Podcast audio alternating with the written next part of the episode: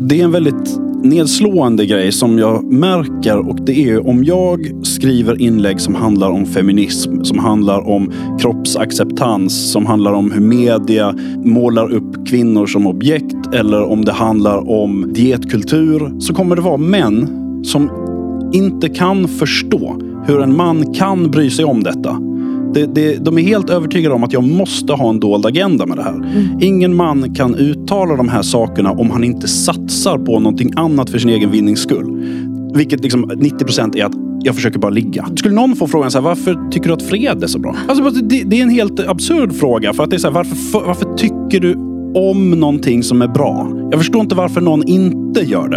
Mm. Och jag fattar ju alltså intellektuellt sett att det är massor med män som inte vill se feminismen växa därför att det förstör för dem. Mm. Därför att de gynnas av patriarkatet och det gör jag med.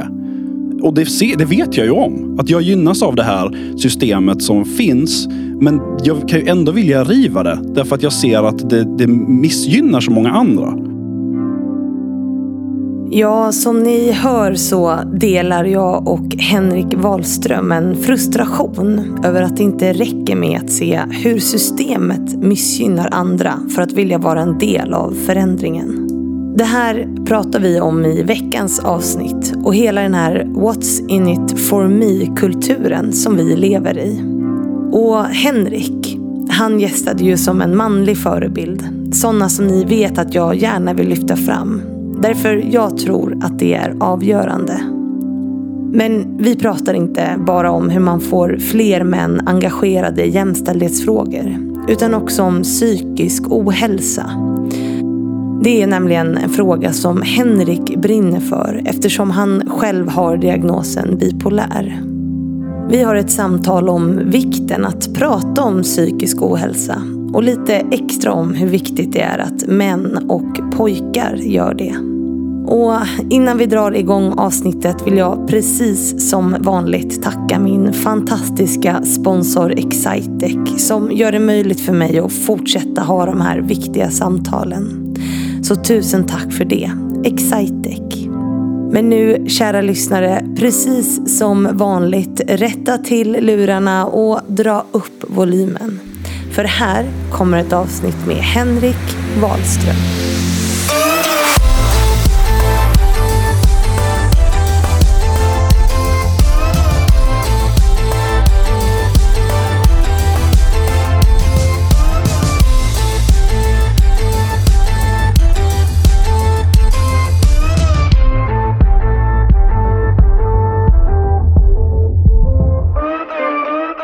Vi säger hej och varmt välkommen till Henrik Wahlström. Tack, tack.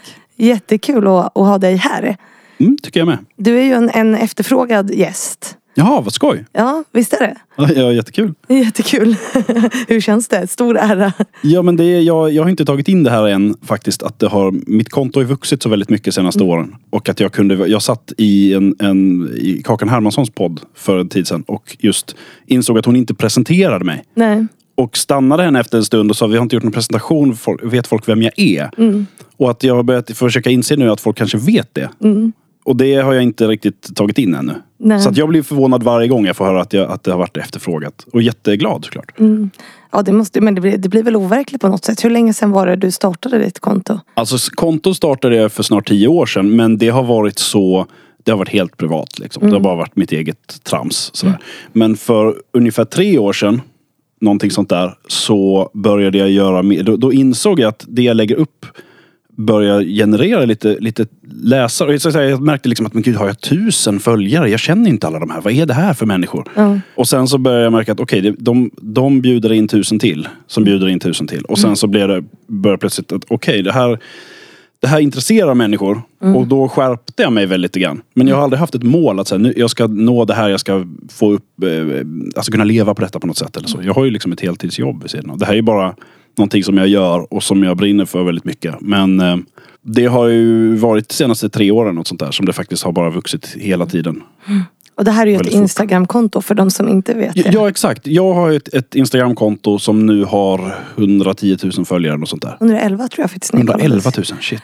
Jag har, jag har ju bestämt mig för att jag tittar aldrig på den statistiken. Nej. Den där siffran den dyker upp, den är svårt att inte se. Men jag går aldrig någonsin in på statistik och undersöker därför att då börjar jag ju, då börjar jag ju se sådana saker som att oj vad folk avföljde efter den grejen. Då säger jag inte det längre. Och det, så vill jag inte göra därför att jag vill hel, hel, alltså hela mitt konto bygger på att jag är liksom brutalt ärlig med vad jag tycker och tänker och känner. Och sen så om folk tycker att det är kul eller viktigt så, så är det väl roligt. Tycker de inte det får de avfölja men jag vill inte veta det liksom. Därför då börjar jag ändra på min egen agenda på något vis.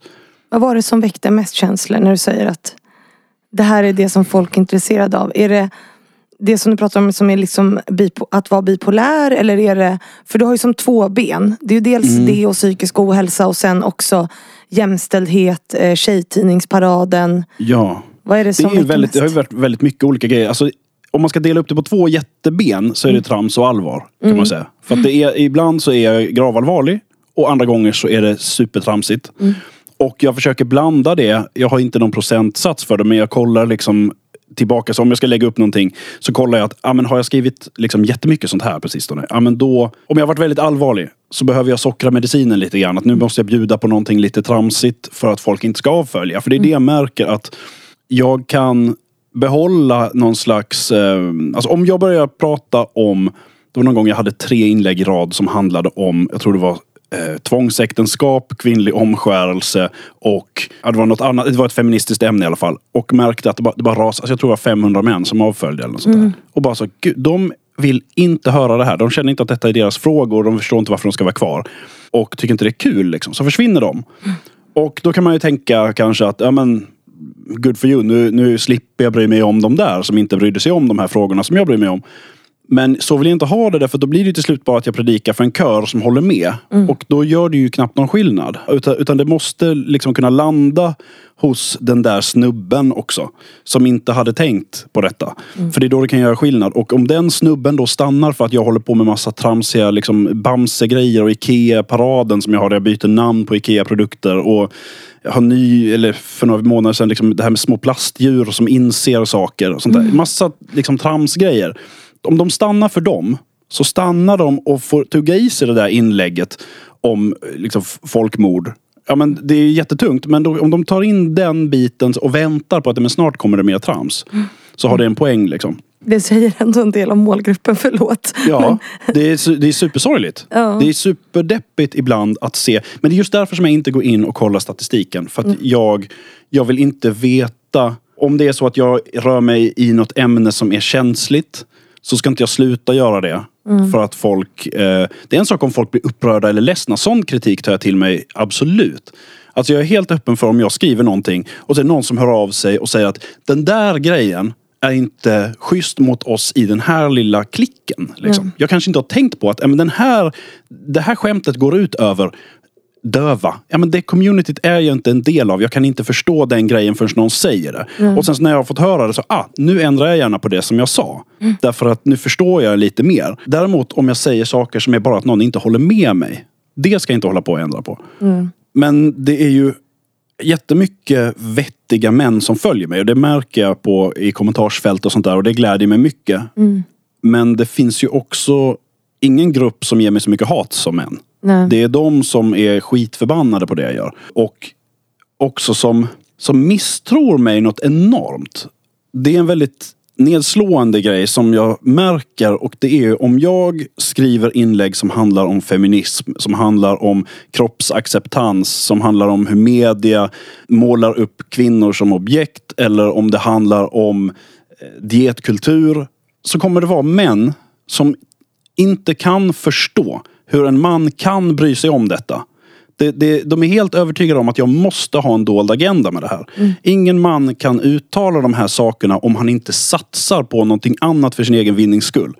Vilket liksom 90% är att jag försöker bara ligga. En man som säger någonting positivt om feminism försöker få ligga.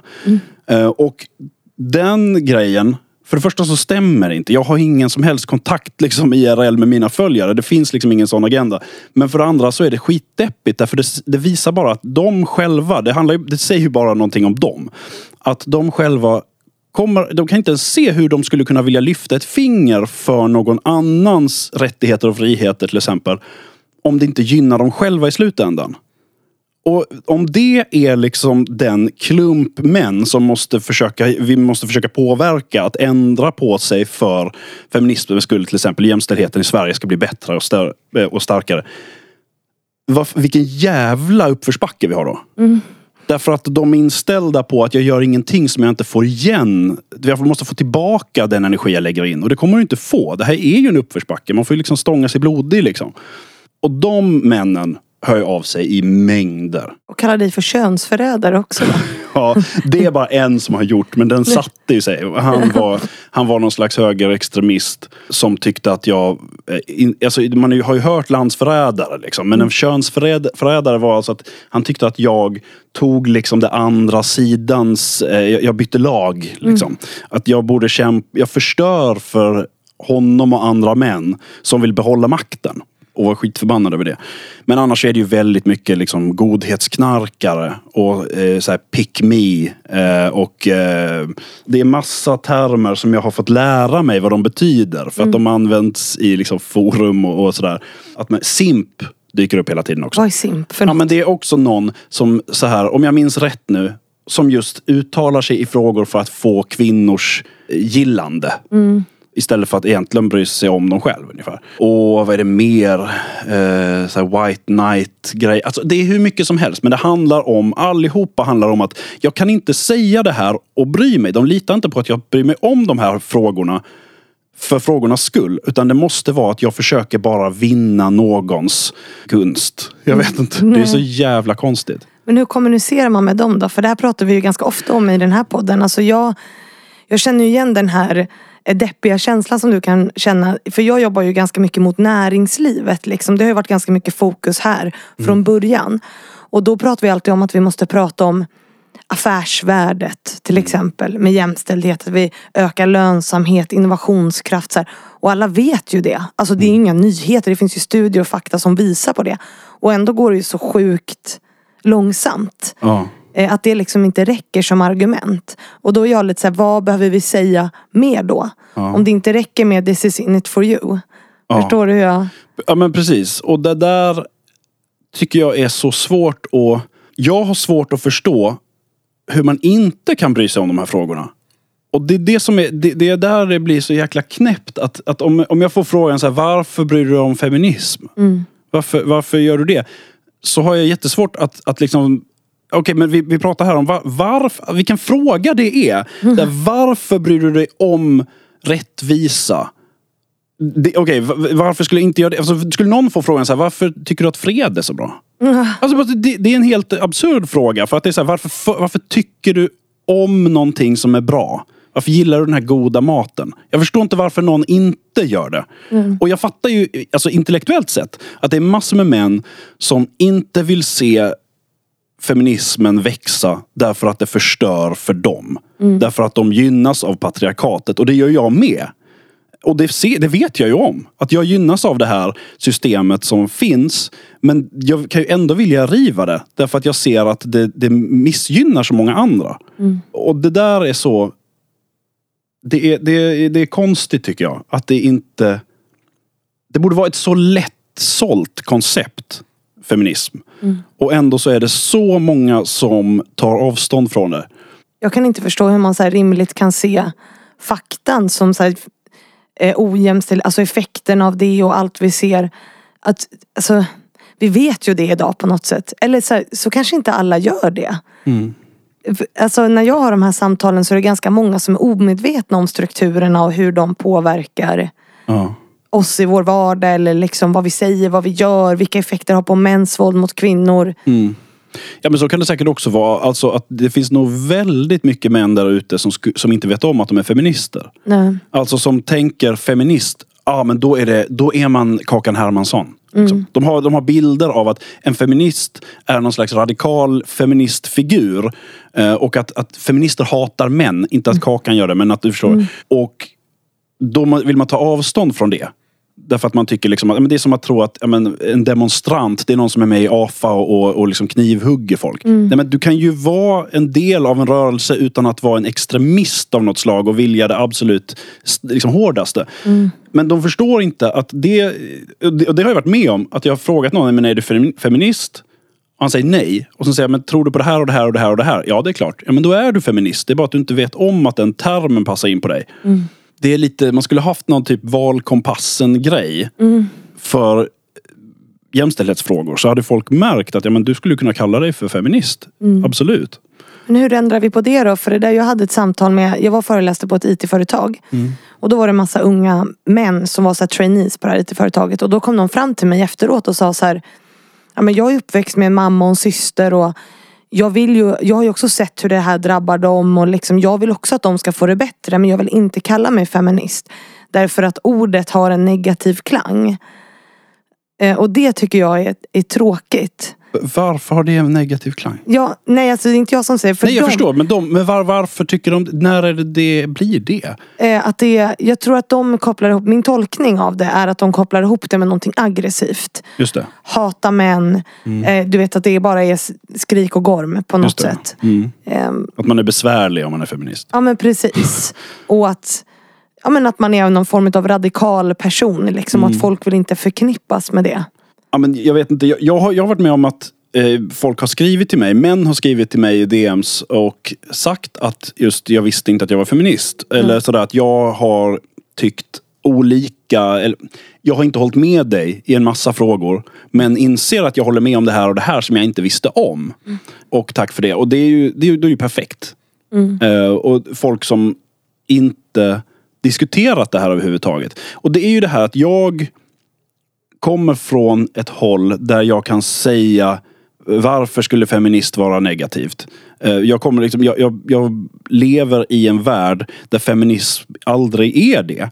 Eh, där, där det är okej för män att bryta mot machokulturnormer och sådär.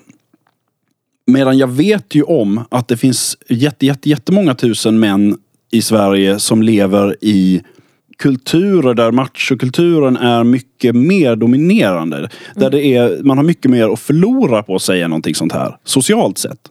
Det är jättelätt för mig att säga väldigt mycket av det jag säger. Därför att jag, jag riskerar inte att förlora min plats i någon slags kompisgäng. Jag, förlo- jag, jag riskerar inte att bli omtalad av folk i, i stan. För, att, för att det här är någonting som är avvikande. Och det, det är jag medveten om att det här hade varit mycket svårare för mig att säga om jag var en i det här gänget. Om jag var mitt i raggarkulturen, liksom, ja, men då hade det varit en annan sak. Att säga att jag tycker inte att den här stickern på den här bilen är okej. för att den är kvinnoförnedrande. Men, men när det då är folk som gör det och som säger att jag är i en, i, en, i en grupp där det här inte har accepterats och nu pratar vi lite om det. Eh, Det är ju liksom tre tummar upp. Det är så bra. Och jag känner att det, jag kan nå en del sådana via mitt konto. Framförallt genom att folk följer med och delar med sig till andra. Men det, det är ju den ena delen av det. Det hat jag får kommer mycket från män. Men oftast så är det ju bara det är någon som svär i kommentarerna jättemycket och så får jag blocka dem. För det, det, jag har liksom det som en regel. Så här, om man beter sig skitdåligt, ja men då, då blockar jag. Om man bara inte håller med mig, då blockar jag inte. För då är det ju jättebra att de följer så kan vi prata. Liksom. Men vi- och de, och de håller ju på sådär. Men sen finns det ju också en annan grupp som är kritiska och det är kvinnor som inte heller tror att jag kan tycka detta. Utan att jag måste ha en dold agenda på något vis. Men sen finns det ju också en liten del av dem som skickar väldigt aggressiva meddelanden till mig och sånt där som är kvinnor. Och som är arga över att jag uttalar mig i frågor där jag inte har ett inifrån perspektiv. Och den grejen kan jag förstå. Alltså jag är fullkomligt medveten om att jag är oerhört privilegierad och har skrivit mycket om det också. Om att, att jag vet om precis att jag har, jag sitter på liksom hela den här, jag är cisman, jag är vit, jag har en, liksom en, ett utseende och en kropp som stämmer med normen. Jag är straight. Liksom. He, jag har allt det där och sitter på något slags i liksom, toppen av en pyramid om man tittar på privilegium. Och uttalar mig ändå om saker eh, som, som så att säga eh, inte drabbar mig personligen.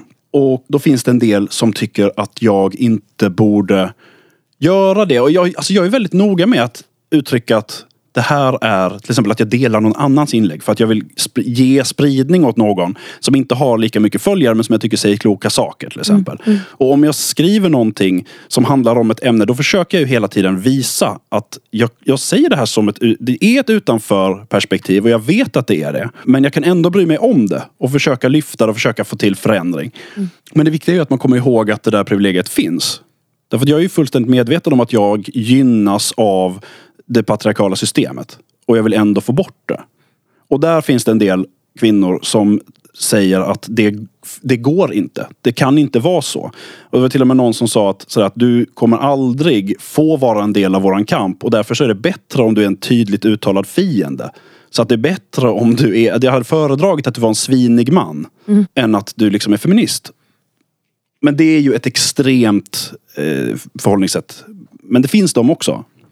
Men jag tänker att det är viktigt att vi har vita män som är på toppen av pyramiden som pratar om de här sakerna därför att vi vill ju ha med män i den här diskussionen. Alltså annars så ja. kan ju vi bara stånga oss blodiga och stå mm. du vet, på barrikad. Det kommer inte, tyvärr inte hjälpa. Nej men precis och jag har hållit på och, och dividerat mycket på det där. Jag har varit med med kvinnostrejk Stockholm till exempel mm. som är mm. varje fredag på, på eh, Medborgarplatsen i Stockholm. Och där de höll ju en stor manifestation för en tid sedan där de frågade om jag ville tala och jag tackade nej då. Ja. Och sa att det här är min plats är bland de som står och lyssnar. Jag ska hålla tyst och hålla ett plakat. Eh, och, och lämna plats för kvinnors röster. Så jag tackade nej. Sen så fick de ett ett återbud och frågade en dag innan, kan du i alla fall? Och då så, så, så sa jag att ja men faktiskt om det, är, alltså, om det inte längre är så att jag tar någons plats, så fine. Och om jag kan då stå där och just säga till andra män att nu, fan steppa upp nu liksom. Mm. Det här måste vi börja prata om. Vi måste liksom sabba stämningen på vid fikabord och sånt där och, och, och säga ifrån. Att vi män måste använda våra röster som vi har för att försöka få ut det här budskapet. Mm. Eh, och det är det jag försöker göra på, på mitt konto för det är där jag når folk. Mm. Men om vi backar tillbaks bandet då för att få med fler män. Hur började det för dig? Alltså så här, hur, för, för du pratar om en frustration som jag också känner att så här, what's in it for me. Alltså hela mm. den här grejen. Att man blir ju till slut ganska trött på det även om mm. man fortsätter kämpa. Men det måste ju börjat någonstans för dig för att du på riktigt skulle brinna för de här frågorna. Mm. Kan du komma ihåg vad det var? Jag har jättesvårt att komma ihåg var mitt intresse för det här började. Mm. Jag har funderat på det. Jag minns när jag liksom första gången började tänka några sådana tankar. Men det här var alltså svinlänge sedan. Det här var, det var 20 år sedan. När jag drog ett tråkigt skämt. Jag minns inte ens vilket skämt det var längre. Men det var mm. så här, jag återberättade ett skämt som en annan hade sagt. Och var i ett rum med två tjejer. Och fick dem båda mot mig. Mm. Och fattade att de hade rätt. Och kände mig så jävla bortgjord. Och arg så som, som många kan bli när man känner att man liksom blir dumförklarad. Mm. Men det sjönk in därför att jag visste att det var jag som var dum. Att, fan, hur kunde inte jag fatta att det skämtet inte är bra? Mm. Eh, och då, då gick det lite grann in och därifrån sen så då finns det massa tillfällen efter det där man liksom har blivit, det handlar om, ofta om att man blir så att säga påkommen med någonting. Alltså, nej, men använd inte den termen.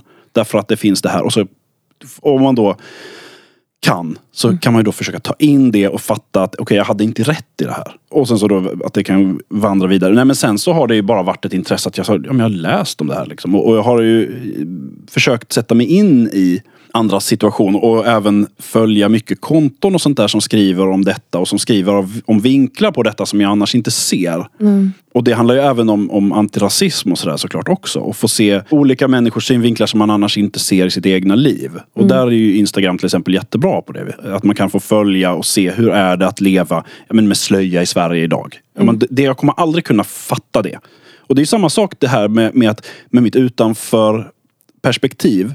Att jag kommer aldrig kunna säga att ja, men vi kvinnor, eller så här, jag vet hur en kvinna har det i Sverige idag. Jag kan, hur mycket jag än läser så kommer jag aldrig kunna ha det perspektivet. Jag liksom. Däremot så har jag det det är liksom den grejen som inte stämmer överens med att jag skulle vara på toppen av en pyramid. Och det är det att jag, att jag lever med, med en, en kronisk psykisk sjukdom.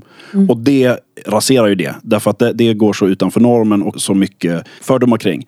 Och där är jag inifrån. Allting jag skriver där kan jag känna att här, jag kan uttala mig utifrån mig själv helt och hållet och, och stå upp för det.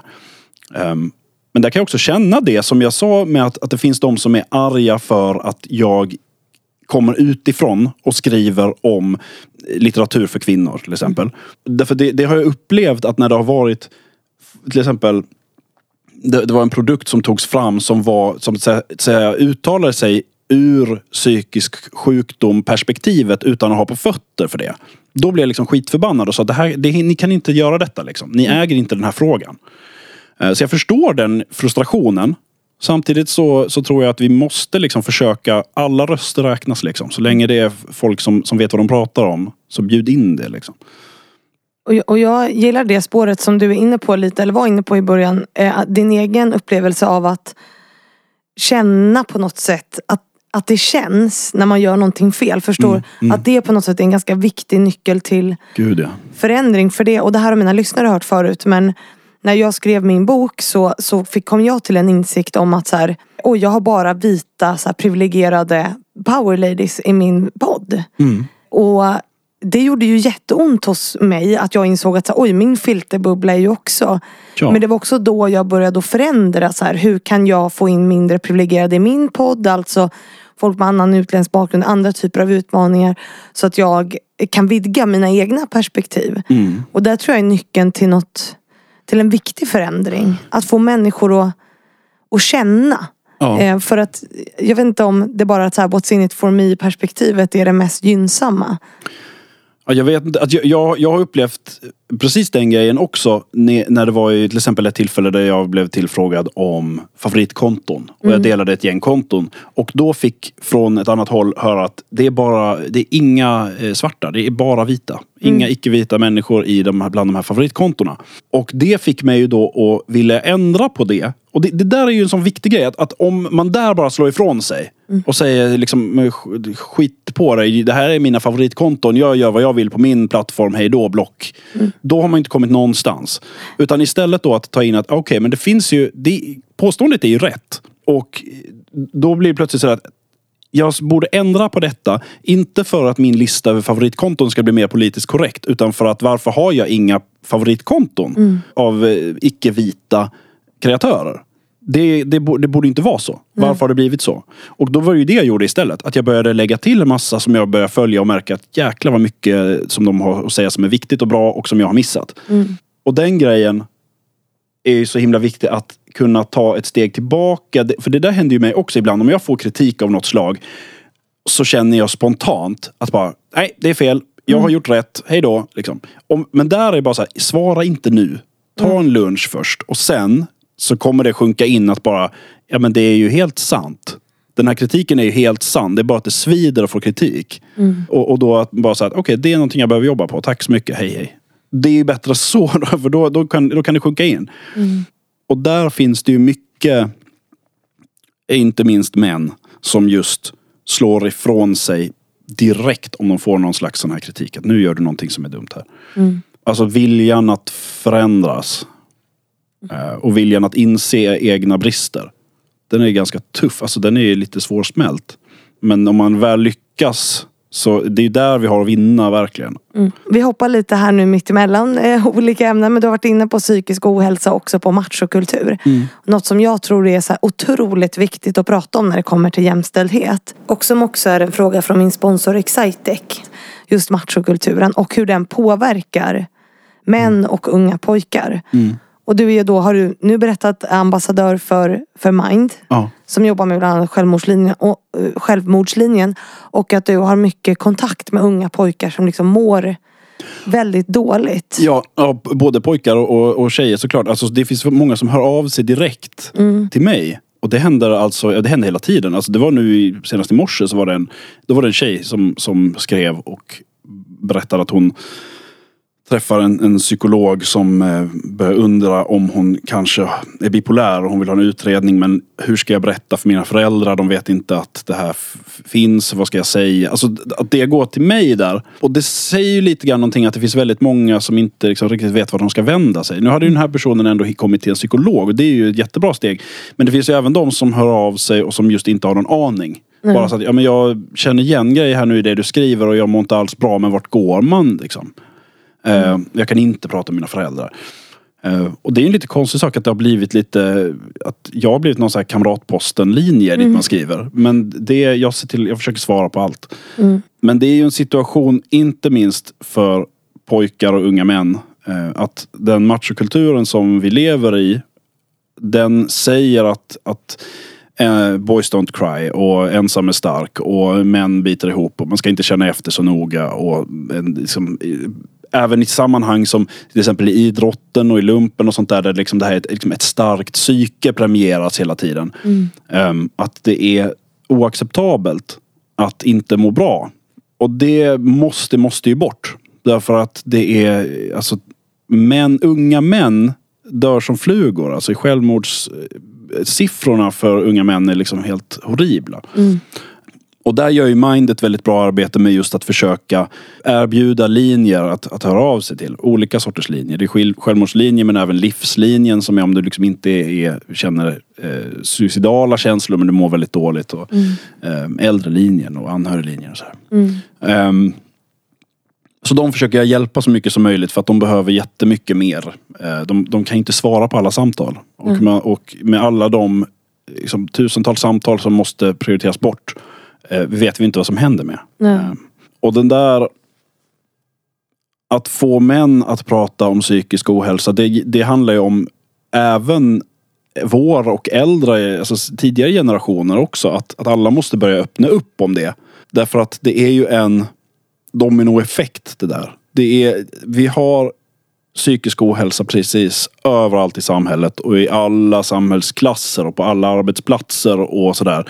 Men har valt att hålla tyst om det. Så att det handlar så mycket om att dra ur en propp, att vara den första som vågar säga att jag har det här problemet. För då kommer det vara folk runt omkring dig i rummet som har det också. Eh, och så fort du börjar prata om det så är liksom eh, spöket borta. Liksom. Då plötsligt kan vi, kan vi vara mer Eh, Då kan vi gå framåt därifrån. Vad behöver vi ändra på? Vad, hur, vad behöver du för stöd och sådär. Men det, det är inte helt lätt alltså. Jag har varit med om det själv också. Att, att när jag har valt att vara öppen med mina bekymmer så finns det många killar och män som haft väldigt svårt att veta hur man ska ta emot någonting sånt. Ehm, alltså om man är i rummet, alltså IRL, liksom pratar med någon om att, att jag har det här problemet. Mm. Där jag känner att om jag, när jag har sagt det till en kvinna så har jag nästan alltid fått liksom ett varmt mottagande. Och hur är det? Vad kan jag göra? Vad fint att du berättar det här.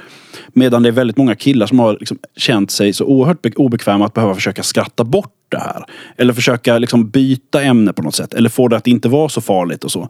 När den, den helt logiska liksom, responsen vore just sådär att ja, men jag bryr mig jättemycket om dig. Jag vill att du ska må bra. Vad kan jag göra? Eh, vad tråkigt att höra detta. Men det, det sitter ett sånt filter liksom där, där vi har bestämt att killar får liksom inte säga jag älskar dig till varandra. Och får inte, liksom, killar ska inte hålla på och kramas och vilja varandra väl. Utan man ska liksom så här gruffas och, och, och liksom tjafsa och hålla på. Alltså jäklar vad mycket bättre folk hade kunnat må. Om de hade bara kunnat få säga till varandra liksom så här, du är en så himla bra kompis och jag bryr mig så mycket om dig. Alltså, det- och det, det, det bara går inte. Det är så många som just har en sån spärr. Det är liksom, man kan absolut inte säga till en killkompis något sånt. Det där är supermärkligt och det har ju sådana effekter också på som vi ser alltså att män blir mer våldsamma och så vidare för att man stänger in sina Ja. känslor. Det här är ju en nyckel till ganska mycket, tänker jag. Mm. Dels också skapa inkluderande kulturer för kvinnor, alltså så att våga vara mer sårbar, prata känslor. Det betyder ju inte att du ska sitta och gråta på, på Nej. jobbet eller liksom inför dina kompisar, men att man måste våga vara sårbar. Eller måste är ett tråkigt ord, men jag tror att Men vi har behöver... allt att vinna på det. Vi behöver träna på det eh, överlag. Eller män överlag behöver träna på att vara sårbara. Ja. Och hur, hur gör man det då? För det är ju... Ja men alltså det handlar ju om mycket om att, att ta bort den här föreställningen om att försöka riva den här idén att, som många män har, att det är en svaghet att visa känslor. Att alltså en perfekt man är iskall eh, och visar ingenting utåt. Det är liksom den här ensamma cowboyen liksom, som ska vara helt cold. Sådär. Eh, Pokerface-mannen. Eh, och, och det vinner ju ingen på. Hur jävla bra mår den där cowboyen liksom? Nej, alltså att bara stänga in allting och inte få någon kärlek varken in eller ut. Eh, det, det, där, det där är liksom ett värdelöst ideal. för alla. Um, utan att vi liksom ska få komma egentligen tillbaka. För liksom i tidigare kulturer har ju liksom män som gråter varit någonting jättemanligt. Liksom, och visa känslor. Att, man är sådär. att, att liksom komma tillbaka till att det är ett fullständigt mänskligt och sunt ideal att visa känslor. Mm. Och där är ju verkligen en stor nyckel till att försöka få det bättre framöver är ju att öppna upp samtalet när vi pratar med unga pojkar och män. Alltså att vi pratar om känslor med våra söner. Mm. Så att nästa generation inte ska ha svårt att berätta det här. Och för vi, vi har ju bestämt oss bara att det här är ett ämne som vi inte pratar om. Vilket är helt absurt därför att det är liksom Det, fin det finns ju ingenting som skördar så mycket så många liv och så mycket sjukskrivningar som psykisk ohälsa och ändå ska vi hålla tyst om det. Mm. Om vi bara slutar göra det för våra barn så börjar de kunna prata med, med varandra och med vuxna om det här. För det är alltså, en femåring tycker inte det är något konstigt att man kan liksom behöva... Det finns människor som behöver medicin för att inte bli väldigt trötta och ledsna. Ja, men det är klart det kan vara så. Mm. Alltså, man är väl lär, lär sig om världen. Lämna inte ute så att säga den känslomässiga världen bara för att det är killar. Det där är så himla knäppt. Och nu, nu sa jag liksom att en femåring inte tycker det är konstigt. Och man måste inte nödvändigtvis hålla på och prata om psykofarmaka med en femåring ifall inte det är aktuellt på något sätt. Men jag menar... Som, det, vid middagsbordet. Det, det, behöver inte sägas om det inte kommer upp. Men om det kommer upp, så var öppna med det att men det här är sjukdomar som alla andra sjukdomar. Det går mm. utmärkt att prata om. Men sen också när de är lite äldre och kommer in i pubertet och där det kommer bli väldigt mycket känslor mm. som då stängs in om vi inte får prata om det. Mm. Därför att det är precis som du säger, att med, med barn som inte, eller unga, som känner att man kan absolut inte prata om sex med till exempel föräldrar. Det är liksom tabu. Ja, men låt inte ångest vara tabu. Det är helt det är helt eller det är helt absurt att det skulle vara det. Mm. Det måste gå att berätta om det här och, och prata om det. Um, om det ska kunna bli bättre. Just sex är också otroligt viktiga samtal Gud, att ha med sina barn. Absolut. Men jag menar att det finns en sån spärr för väldigt många. Att bara, ja. det, är, man kan absolut, det är super, det går inte att prata med sina egna föräldrar om det. Nej. Ja men det borde göra det. Mm. Jag har en en 14-årig systerdotter som jag är såhär, nu ska du titta på den här dokumentären och sen kan vi prata om det om du vill sen. Om typ kvinnlig njutning och sådär. För att hon kanske tycker det är lite pinsamt, jag tror inte det. Men, men eh, för det, det är ju också enormt viktigt. Gud, ja. Alltså om vi nu pratar om nu blir det mäns våld mot kvinnor och våldtäkt. Vi hoppar ju lite överallt här. Ja, ja. Men just den aspekten är ju superviktig. Ja, och prata om, om samtycke och sådär. Ja. Och, och man har killar inte minst. Mm. Att, och, och, prata om, alltså där känner jag, där finns det ändå ett, ett skifte där det kommer väldigt mycket barn och ungdomsböcker som är skitbra. Mm. Och som berättar liksom på ett, ett, bra sätt och ett inkluderande sätt och ett sätt som liksom kan hjälpa till att stoppa de här dumma bilderna av vad sex är. Mm. Och sådär. Så där känner jag mig ändå ganska hoppfull. När det kommer till psykisk ohälsa så är det väl mer att jag tror att för att vi måste prata mer om det. Det, det, är helt uppenbart. Och vissa tycker att men nu pratar vi om det överallt. Ja, det är för att det finns en våg nu av, av eh, att väldigt många känner att det här är helt ohållbart så som vi har det. Mm. Att liksom, självmordstalen har stuckit upp till att bli den vanligaste dödsorsaken för unga människor under 55. Det, det är liksom helt absurt. Att vi skulle ha hade haft en influensa som skördade så mycket offer mm. och sen inte skulle prata om det. Det hade varit helt absurt. Det, det, liksom, det hade varit en, ett stort nationellt problem. Liksom, att vi måste ta fram, hur ska vi lösa detta? Vi måste lösa det omedelbart. Mm. Det går före allt. Men det bara, nej nej, detta är själsliga bekymmer och då, då är det bara, nej, sh, sh, sh. Ja, jag tror att, det, att eh, mycket skulle lösa sig om vi, om vi, eh, eller mycket, men Många saker i världen skulle lösa sig om vi slutade med det här what's in it for me perspektivet. Ja, gud. 100 procent. Alltså jag tror, jag tror att man eh, när, alltså att må bättre psykiskt och att utveckla sig själv. Mm. Till exempel som ju, alltså psykisk ohälsa, om man har diagnoser är ju någonting annat. Mm. Men jag tror att många mår väldigt dåligt av liksom samhällets press. Som mm. ju skapas av det här what's in it for me på något sätt. Mm. Att man ska lyckas och man ska vara så jäkla bra utifrån andras ögon. Förstår du? Jag? Absolut, och det börjar ju redan i skolan. Ja. Det finns ju väldigt mycket där också. Mm. Och många som känner en press som är, som är ohållbart. Mm. Man, kan inte, man kan inte klara sig med den där pressen i den där åldern. Att vi måste jobba med det.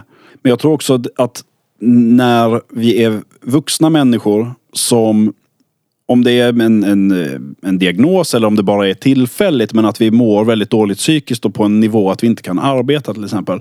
Mm. Så är det väldigt många som har den här bilden av att vi kan inte prata om detta och därför måste jag skylla på någonting annat. Och hitta på en annan sjukdom som jag har. Eller skylla på en, en dubbelbokning eller någonting.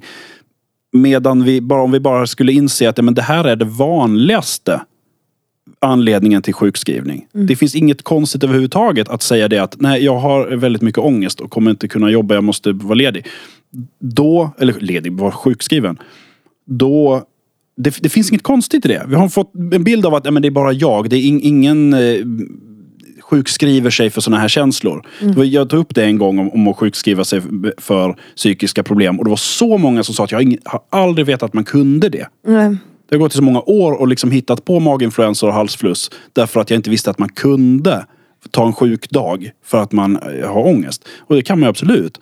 Och så fort vi börjar prata om det så öppnar vi upp för andra att göra det. Jag säger det här, det är ett jävla tjat. Att jag, jag, eller jag, liksom, jag säger samma sak gång på gång med det här. Men det handlar så mycket om att öppna, starta samtalet. För då plötsligt så är det okej. Om det är någon som säger att jag känner det här. Ja men då kan vi plötsligt allihopa prata om det. Sprida kunskap. Ja, Alltså visst. som är typ alla viktiga frågor, att folk förstår på Ja. något sätt. Men hos män så blir det en spärr för väldigt många att berätta att man har psykiska besvär eller psykiska, man, man inte mår bra mentalt är att blotta strupen. Att man visar sig svag. Man, vi, man liksom ger den andra ett övertag genom att visa att man är lägre än vad man har visat upp. Och det måste ju stoppas. Och där, för att få till det här samtalet, för att få fler att våga berätta det. För att jag, det här är ju också att mi- min, mitt utgångsläge i detta är ju verkligen inifrån. Därför att jag höll tyst i 12 år om min diagnos. Och jobbade på och hade liksom en karriär där jag höll tyst om det här som är så stor och viktig del av vem jag är. Och jag berättade för de allra närmaste och för folk som behövde veta det. Men det var först för eh, ett och ett halvt år sedan någonting, tror jag det var. Den första januari som jag berättade för alla och då gjorde jag det på Instagram. Och det hade jag planerat. Eh, när jag började liksom, jag, jag, det är ju min hjärtefråga. Alltså psykisk hälsa och ohälsa och att försöka riva de, den stigmatisering som finns kring det. Och öka öppenheten. Det är liksom det jag brinner för allra mest. Och då, när jag fick också frågor sådär. Har du någon erfarenhet av psykisk ohälsa? Så kände jag liksom bara att jag vill berätta så jäkla mycket om detta. Jag vill säga så mycket och ha så mycket pers- olika perspektiv på detta och, och ta upp. Men jag kan inte göra det om jag inte berättar om den här stora grejen. Så att jag måste göra det. Och när jag insåg att ja, men jag vågar faktiskt göra det nu. Då kände jag, okej då, har- då är det min plikt att göra det. För att om jag vill att andra ska prata, då måste jag försöka. Eh, Så att jag satte ett datum och skrev ett inlägg och sen så bara liksom visste att första januari då lägger jag upp det. Då rycker liksom det plåstret. Och så togs det emot väldigt bra. Och det, blev ju, det var ju en bomb för väldigt många. Det var oerhört många som inte visste om det här. Liksom. Min chef och släktingar och alla möjliga. Liksom. Men det togs emot på ett bra sätt. Och av de som inte tar det bra så känner jag bara så att nej, men de, de tyckte ju då uppenbarligen inte om den riktiga Henrik. Liksom. Nej. Eh, och då, fine, då får det vara så. Men där började jag ju då tänka på sådär, varför har jag inte berättat tidigare? Och hur skulle jag kunnat berätta tidigare? Vad hade hjälpt mig att berätta förut? Och det, det jag kom fram till där, en enkel sak, för jag höll ju på liksom och försökte verkligen baka ner det här till, men, ja, men, ja, vi behöver ett, ett annat samhälle, vi behöver ett annat samhällsklimat där vi pratar om vissa saker. Ja, men det där kan inte jag göra, men finns det något konkret? Och då konstaterade jag att det, det som behövs är en, en pride-symbol för psykisk ohälsa. Någonting som är någonting som visar upp att här är en plats där min hemlighet hade landat i go- god jord. Här är det någon som tar emot det på ett bra sätt. På samma sätt som en pride-symbol gör för den som, som eh, kommer ut med en läggning. Att kunna se att ja, men här är någon på arbetsplatsen som kommer ta det här bra. För att hon har de här regnbågsörhängena. Liksom. Eh, Så att om jag vill berätta, där har jag liksom en safe zone. Um, så att då tog jag fram en symbol och testade liksom att lansera den och jag kände liksom att men det, här, det här kanske bara blir fiasko men jag måste i alla fall försöka. Så att det var en liten, det är en liten symbol som är ett, ett väldigt kantigt eh, hjärta som är ritat av en fyraåring med en liten smiley i. Och det är en smiley som kan se både glad och ledsen ut samtidigt. Och så kallar jag den där symbolen för upp och ner. Och började göra den på massa olika produkter. Eh, och sen så, och så sa jag då liksom att men den här symbolen Den betyder att bäraren av symbolen har en, en öppen och accepterande inställning till psykisk ohälsa. Detta är en safe zone. Detta är någon som visar att jag vill veta hur du mår när jag frågar hur du mår. Inte bara få ett bra liksom, till svar. Detta är något man kan komma till när det behövs. Ehm, och som är intresserad, man behöver inte ha en diagnos för att ha symbolen. Men man behöver, utan det handlar mer om att man stöttar en rörelse. På samma sätt som att man inte måste vara gay för att ha en pride-flagga på sig. Precis. utan man, man stöttar en rörelse som man vill se växa. Och sen så då går alla, all vinst från det här, eh, all merchandise som säljs går till Mind. Så att då, och till Järnfonden så att de kan liksom jobba för det här också. Så det ska hjälpa på alla sätt. Eh, och den där spred sig något otroligt och den sprider sig hela tiden. Eh, och dyker upp varenda dag på nya ställen i liksom form av Folk tatuerar in den här liksom och Ja, sätter det är ju upp- rätt coolt Ja, och det är faktiskt. skitmånga som har gjort det. Ja. Eh, och liksom alltså, så på halsen. Liksom. Du vet, så här, Folk som verkligen bara så det här är det jag har behövt så länge. Men också eh, muggar och påsar och, och pins och sånt där. Och framförallt så är det häftigt att se att de dyker upp på så olika ställen och gör precis det här som jag ville. För det finns ju liksom tre steg i det. här. Dels så kan det hjälpa för någon att berätta. Någon som håller tyst. Men som då kan märka att här är någon jag kan säga till. Och det har fört samman människor som inte har känt varandra också. Alltså folk som, som till exempel, det var någon som hörde av sig som var väldigt, väldigt ensam på sin gymnasieskola. Och hade psykiska problem. Och såg en annan med, med den här smileyn som också var väldigt ensam. Och de förenades där då. Och andra som har fått till exempel hjälpa människor på stan som har haft liksom, panikångestattack och som har kommit och säger du känner inte mig men jag ser symbolen, kan du hjälpa mig? Ja, det är ascoolt. Det är- skithäftigt. Men sen också andra steget i det här är just att folk frågar vad är det där för någonting? Och det hände i en gruva uppe i norra Sverige. Eh, där det var en som berättade att han hade haft den här muggen med sig. På, vid fikabordet och plötsligt så är det män som pratar med varandra som har jobbat i decennier tillsammans aldrig pratat om depression. Och plötsligt så gör de det. Eh, och det där är så jäkla bra. Att det, liksom, det rycker korken åt folk. Därför att när, när någon säger så här, men vad är det där? Du behöver inte berätta att ja, jag har, har borderline eller jag är bipolär eller jag är det här. Eller bara Eh, ångest, Eller bara eller- ångest eller vad, ja, bara vad som helst. Du behöver inte berätta vad du lever med. Utan du kan bara berätta att detta är en symbol som vill öka samtalet kring det här. För att vi måste prata mer om det. Och då plötsligt så, så öppnar det här upp sig. Och det har även varit att, att till exempel chefer som har valt att ha den här loggan och visa att det är okej att komma till mig. Och för då har det öppnat upp sig neråt. Och gärna då också när de har sagt att jag har själv tampats med det här. Jag går själv i terapi om någon högre upp i den här hierarkiska pyramiden säger något sånt så öppnar det upp för alla under att det är okej att jag säger det. Ehm, Ett bra sätt att visa sårbarhet som ledare kanske. ja, eh, verkligen. Ja. Det, och, och ett sätt som jag, bara, jag tror man bara har att vinna på. Det kommer inte vara någon som säger att Nej, men nu är han en sämre chef för att han eller hon har varit med om det här. Utan det är precis tvärtom. Att det här är någon som, som, vi, som, som plötsligt vet lite mer om livet än vad ni kanske trodde. Och som kan känna en större förståelse för dig när du kommer och säger att det var inte halsfluss. Utan det var det här. Så den, den där symbolen finns på upp och ner.nu. Eh, och Så till alla ledare som lyssnar nu kan ju köpa en sån mugg. Kan gör det. Ha en sån kaffe. mugg. Ha ett klistermärke på din dörr. Eller ha, den där, den, den, eh, allt fler känner igen den. Och de som inte känner igen den får igång ett samtal. Mm, superviktigt. Mm. Det finns en sak till som jag känner ändå att vi måste plöja av. När vi spelar in den här podden och det är ju Tjejtidningsparaden. Just det. Vi måste, vi måste prata om den. Ja. Hur började det liksom? Det är ju faktiskt den grejen som gjorde att mitt konto växte så mycket som det gjorde. Och, och det handlar om att jag har läst och läst väldigt noga och snarare analyserat tjejer, tidningar riktade till tjejer under framförallt 80 och 90-talet. Och det började med att jag bara hittade en eh, Trave, Frida och Veckorevyn på en loppis. Och har aldrig någonsin öppnat en sån nästan. Så då, då köpte jag bara några sådana för en krona eller vad de var. För jag tänkte att det kunde finnas något kul i dem. Alltså något, något trams liksom. Eh, men blev helt chockad av det jag läste. Att jag var plötsligt inne i en värld som har varit sluten. Som har varit liksom helt oacceptabelt för killar att sitta och läsa Frida. Så det fanns ju inte. Det, fanns, det var inte intressant heller. Eh, Men då plötsligt så fick jag se vad en massa jämnåriga tjejer läste medan jag läste skateboardtidningar. Ja. Och det var en sån jäkla skillnad. Och en sån konstig bild av män. Och en sån konstig bild av kroppar och av ide- ideal och relationer. Och det, det var så jäkla sjukt. Så att jag började helt enkelt skriva om det här. Tog en liten bild av en, en, bi, en bit i en tidning och så, så berättade lite om det. Och det här drog igång väldigt, väldigt mycket diskussioner. Därför att det var alltså mina läsare som var unga då. Som plötsligt fick återse bilder och texter som de insåg att de kände igen. Som de inte visste att de mindes. Men som bara såhär, gud, jag plötsligt den här, den här texten kan jag utan till. Jag vet precis vad som kommer efter detta. Men jag visste inte var jag hade fått det ifrån. Nej. Det här tipset om att jag ska dricka ljummet vatten innan maten. Jag visste inte varför jag gör det. Men det var här jag såg det. Jag känner igen det precis. Och det där blir jätteintressant att börja liksom gräva i bara, vad, är, vad är det här nu då? För det är en sån konstig grej. Just det är alltså de tidningarna, det är liksom eh, Frida och det är Veckorevyn, Mitt livs novell, Starlet i viss mån, men inte, inte mest. Och, och de tidningarna hade en sån väldigt fostrande ton. Att den var så att säga en guide i hur man blir en tjej som är en bra tjej.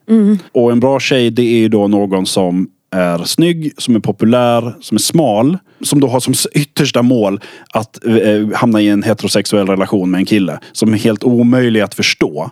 Eh, så att man måste ha deras tips på hur man tolkar allt killar gör. För man ska förstå det. Och där kommer det då in oerhört mycket som är knasigt. Alltså dels det i relationer. att, att eh, Eh, sätt att tolka saker killar säger. För man får räkna med att killar kan inte överhuvudtaget prata känslor. Och de är fullständigt ointresserade av att ha en relation. Så att det gäller att man ska snärja den här killen. Hålla honom kvar och utmanövrera sina rivaler.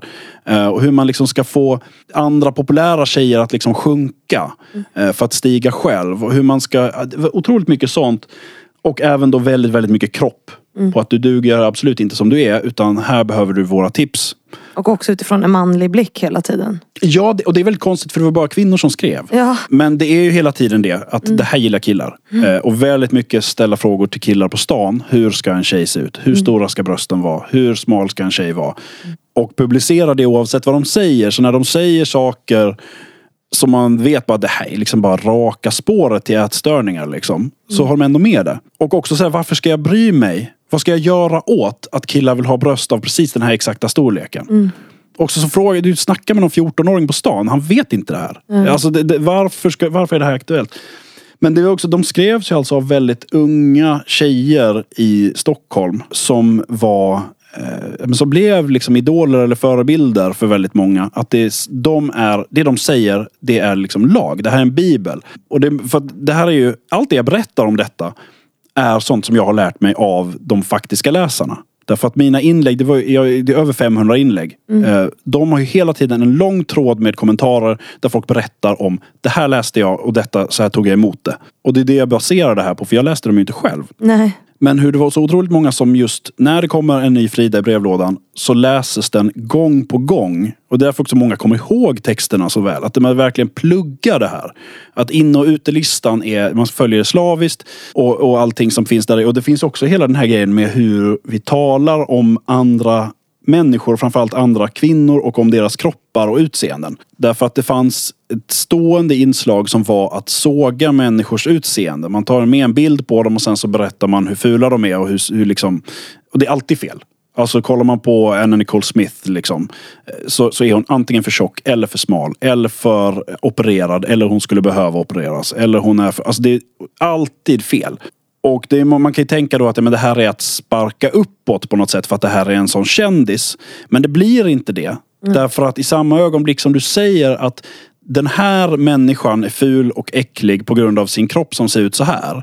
Så säger du ju det till liksom hundratusentals tjejer som sitter hemma och läser det med såna kroppar. Och det där blir, och det är massa, det är inte bara hon såklart. Alltså Tori Spelling till exempel fick otroligt mycket skit för allting. Men det, och det, det där blir så himla galet därför den berättar ju bara då att ja, men om hon inte duger som är så tjock. Som alltså oftast då inte är överhuvudtaget tjock. Men som ändå är liksom, ja men det här är, hon är tjockis. Ja men vad är då jag? Som har mera fett på kroppen än så. Eh, Och inte heller några miljoner i Hollywood. Liksom. Och att det där skjuter ner folks självkänsla när det kanske fanns någon god tanke med att så att säga skratta gemensamt åt någon. Det där är ju genomgående och jag tänker att nu har det ju förflyttat sig till sociala medier. Ja, Vilket också tyvärr gör det också mer lättillgängligt. Tänker Ja. jag. det har förflyttat sig till sociala medier. Men alltså det, där finns ju till exempel att alltså Veckorevyn idag är väldigt mycket bättre. Liksom, med gud, rena sig och sådär. Ja. Men, men det här handlar ju om hur det var då. Och nu, nu har det flyttats till sociala medier. Det här med alltså kroppshetsen är ju fullständigt eh, närvarande fortfarande i sociala medier. Men någonting som jag har lagt märke till som jag tycker är väldigt intressant är att den här, allting som tjejtidningarna gjorde, det fortsatte riktas till samma publik i nya tidningar. Att när det här gick över till 2000-talet, då började det skrivas i solo om det här istället, mm. som riktar sig till lite äldre. Och om vi hoppar ända fram till idag, när det har liksom förflutit 25 år till. Nu är den generationen sådär i 45-50 års åldern mm. och är liksom hög, eller liksom perfekt målgrupp för kvällstidningarnas söndagsbilagor. Som gör exakt samma sak igen. De liksom bara matar ut kroppshetsrubriker på varenda löpsedel. De har liksom, hur blir du bättre? Hur blir du, liksom, hur blir du snyggare? Hur blir du perfekt? Och samtidigt liksom har fortfarande kvar det här med liksom, vem har fulast kläder i, på, på senaste premiären. Mm. Det är liksom sam... Och vi är jättemycket folk som också jobbar på sådana tidningar som har jobbat på tjejtidningarna långt tillbaka. Att den här agendan som riktades mot unga tjejer i Frida, den riktas mot de tjejerna fortfarande från andra håll. Från andra håll. Och det har jag försökt ligga på som fan. Och jag har ju liksom gjort namninsamlingar och sånt där för att försöka få bort just till exempel vikthetsen på, på, på löpsedlarna. Mm. Därför det är lätt att tänka, men köp inte tidningen då. Och det kan man ju låta bli. Men deras löpsedlar på söndagsbilagorna som står framme en hel vecka i taget. De har liksom matat ut på så rasar du i vikt. Så kan du liksom nå den här drömkroppen. Så, får du, liksom, så tappar du 20 kilo på ett år och så här. Eh, att de matade ut de här vecka efter vecka efter vecka. Eh, jag såg till exempel eh, Expressen Söndag hade 66 procent förra året av sina omslag handlade om kilon och vikt. Ja. Och jag gjorde en namninsamling att bara, det här vill vi inte se. Därför att de går till alla de som inte köper tidningen också. Alla som står i en kö i en mataffär får se det här att din kropp duger inte, du borde gå ner i vikt. Oavsett hur du ser ut eller hur du mår och hur bra din kropp fungerar så måste den bli smalare för att bli bättre. Mm. Eh, och det fick ju faktiskt liksom bra respons. Aftonbladet har inte gjort någon skillnad men Expressen slutade faktiskt. Mm. Så de har inte i år haft några eh, kilon utmärkta eller någonting som handlar om, om vikt exakt. Så kan det vara något sånt här att de, de har någonting om förbränning med i sitt, sitt löp någonstans. Men de har slutat med allt det här. Tappa så många kilo innan midsommar. Tappa så många kilo efter jul. Tappa så många kilo. Det där är så vidrigt och det där märker jag som eh, då, på Instagram när jag delar till exempel att jag är ute och springer eller sådär. Att när jag, nu delar inte jag så ofta som jag tränar till exempel för att jag medvetet tänker på det. Mm. För att jag har fått meddelanden om att det triggar till exempel mina ätstörningar. Att jag är ute mm. och springer. Eh, men jag får också kritik för att jag inte, för att jag har smink när jag mm. springer. För att om jag ska gå hem och springa nu när du och jag har spelat podd. Det är inte så att jag ställer mig och sminkar av mig för att jag eller, Nej, vet, jag utan det gör jag när jag duschar sen. Men då spär jag på skönhetshetsen mm. för att jag har smink.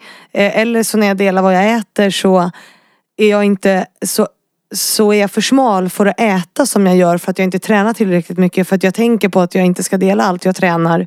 För att inte ja. trigga någon. Det, alltså det är ju så, så himla svårt. Ja. Och också veta hur man ska tänka. Ska jag inte dela alls då att jag tränar? Eller du vet, det är ju... Det är ju, ja, precis. Det där är ju, det är jättesvårt att göra rätt. Man kommer aldrig kunna göra alla nöjda. Liksom.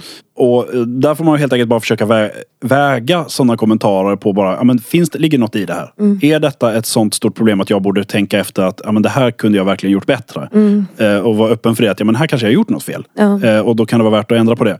Men i andra fall så får det bara vara att, att det här måste bara få passera. För jag kan inte ändra på den här stora delen av mitt liv för att några följare ska tycka att, det, att deras liv blir bättre. Mm. Jag tycker bara att tiden... det är tragiskt. Alltså så här, jag struntar väl lite i mig i den kontexten. Men jag tänker att det är så jäkla sjukt att det är... Tre... Eller förstår du? Jag, men, jag förstår ju det för jag, man själv lever ju också med det som kvinna. Ja. Alltså varje dag. Att så här, oj men nu ser jag tjock ut i det här. Så här, det är ju, alltså, mm. Fastän man vet att man inte är tjock. Så det är ju mm. något man liksom kanske inte alla, men väldigt många kvinnor lever med varje dag. Ja, det får jag ju höra oerhört mycket just med Tjejtidningsparaden till exempel när jag la upp eh, tips om hur man ska suga in magen hela tiden. Mm. Och folk som berättar att jag har gjort det här nu i över 30 år och jag måste gå till liksom så här, tal, logoped och jag måste gå till någon speciell sjukgymnast för att lära mig släppa ut magen. För jag har mm. gått och sugit in den så länge. Mm. Eh, för att jag har lärt mig att det måste jag göra. Mm. Men de som tyckte illa om det som skrevs i Veckorevyn 1994. De fick ju sätta sig ner och skriva ett brev och skicka det till en redaktion i så fall. Det fanns mm. liksom ett sånt långt kliv till att nå den här som har skrivit det. Mm. Och inte säkert att de läser det och framförallt att de inte publicerar det och sådär.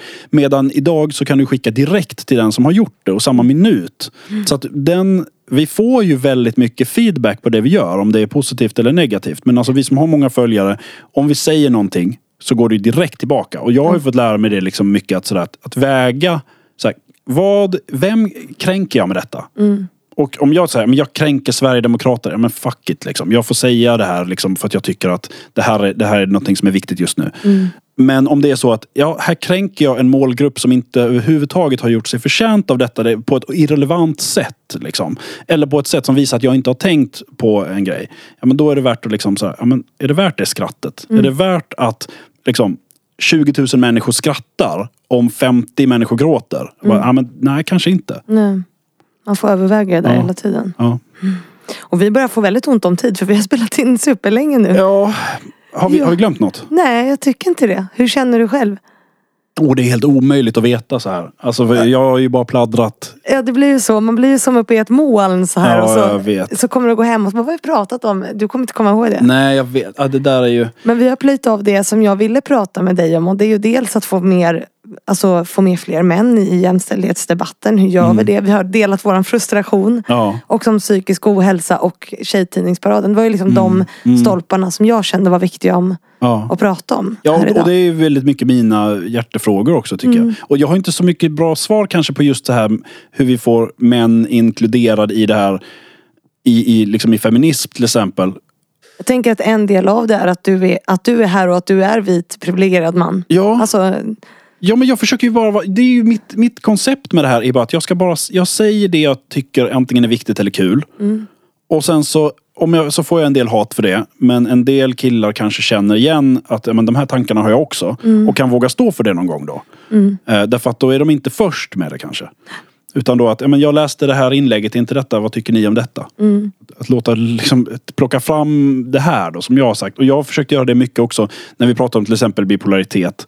Som jag ju lever med. Eh, att göra väldigt mycket jämförelser och förklaringar och beskrivningar ur första persons perspektiv. Hur det kan vara att ha den här sjukdomen. Som har hjälpt andra med den sjukdomen att kunna visa för nära och anhöriga och sådär. Och kunna visa att här, jag har inte kunnat sätta ord på detta. Men här har jag ett exempel på hur det är när jag ska gå och handla i affären. Varför det tar två timmar för mig. Och så kunna visa det. Eh, och där, det tänker jag att det kanske kan göra någon konkret skillnad ibland. Förebilder är avgörande. Det finns en anledning att den här podden heter Fannys förebilder faktiskt. Ah, det är inte det. helt Jag ostrategiskt. fattar. Ja. För jag tror att det är superviktigt i alla Ja. typer av förändringar. Gud ja, Kan klart. han så kan jag. Eller kan hon så Exakt, kan jag. exakt. Liksom. Ja, det, var, det var ju min absoluta poäng med att gå ut med, eh, med min diagnos. Var Mm. ju det att kunna visa att det är möjligt att leva ett, liksom ett fungerande liv med den här diagnosen. Mm. Så att det är okej att berätta om den för man kan säga att nej, men, det går ju. Mm. Eh, Och ge hopp till de som nyligen har fått diagnosen och känner att det här kommer jag aldrig klara. Men du, med de orden tänker jag vi säger så här. Tusen tack Henrik för att du har varit här. Tack, det var jättekul. Det var jättekul. Är Ja. du trött och mosig? nej, det, jag, nej, Nej. det var jättebra. tusen tack. tack, tack. Och tusen tack till alla er som lyssnat på veckans avsnitt. Jag hoppas att ni får en fantastisk vecka och så hörs vi ju på onsdag igen.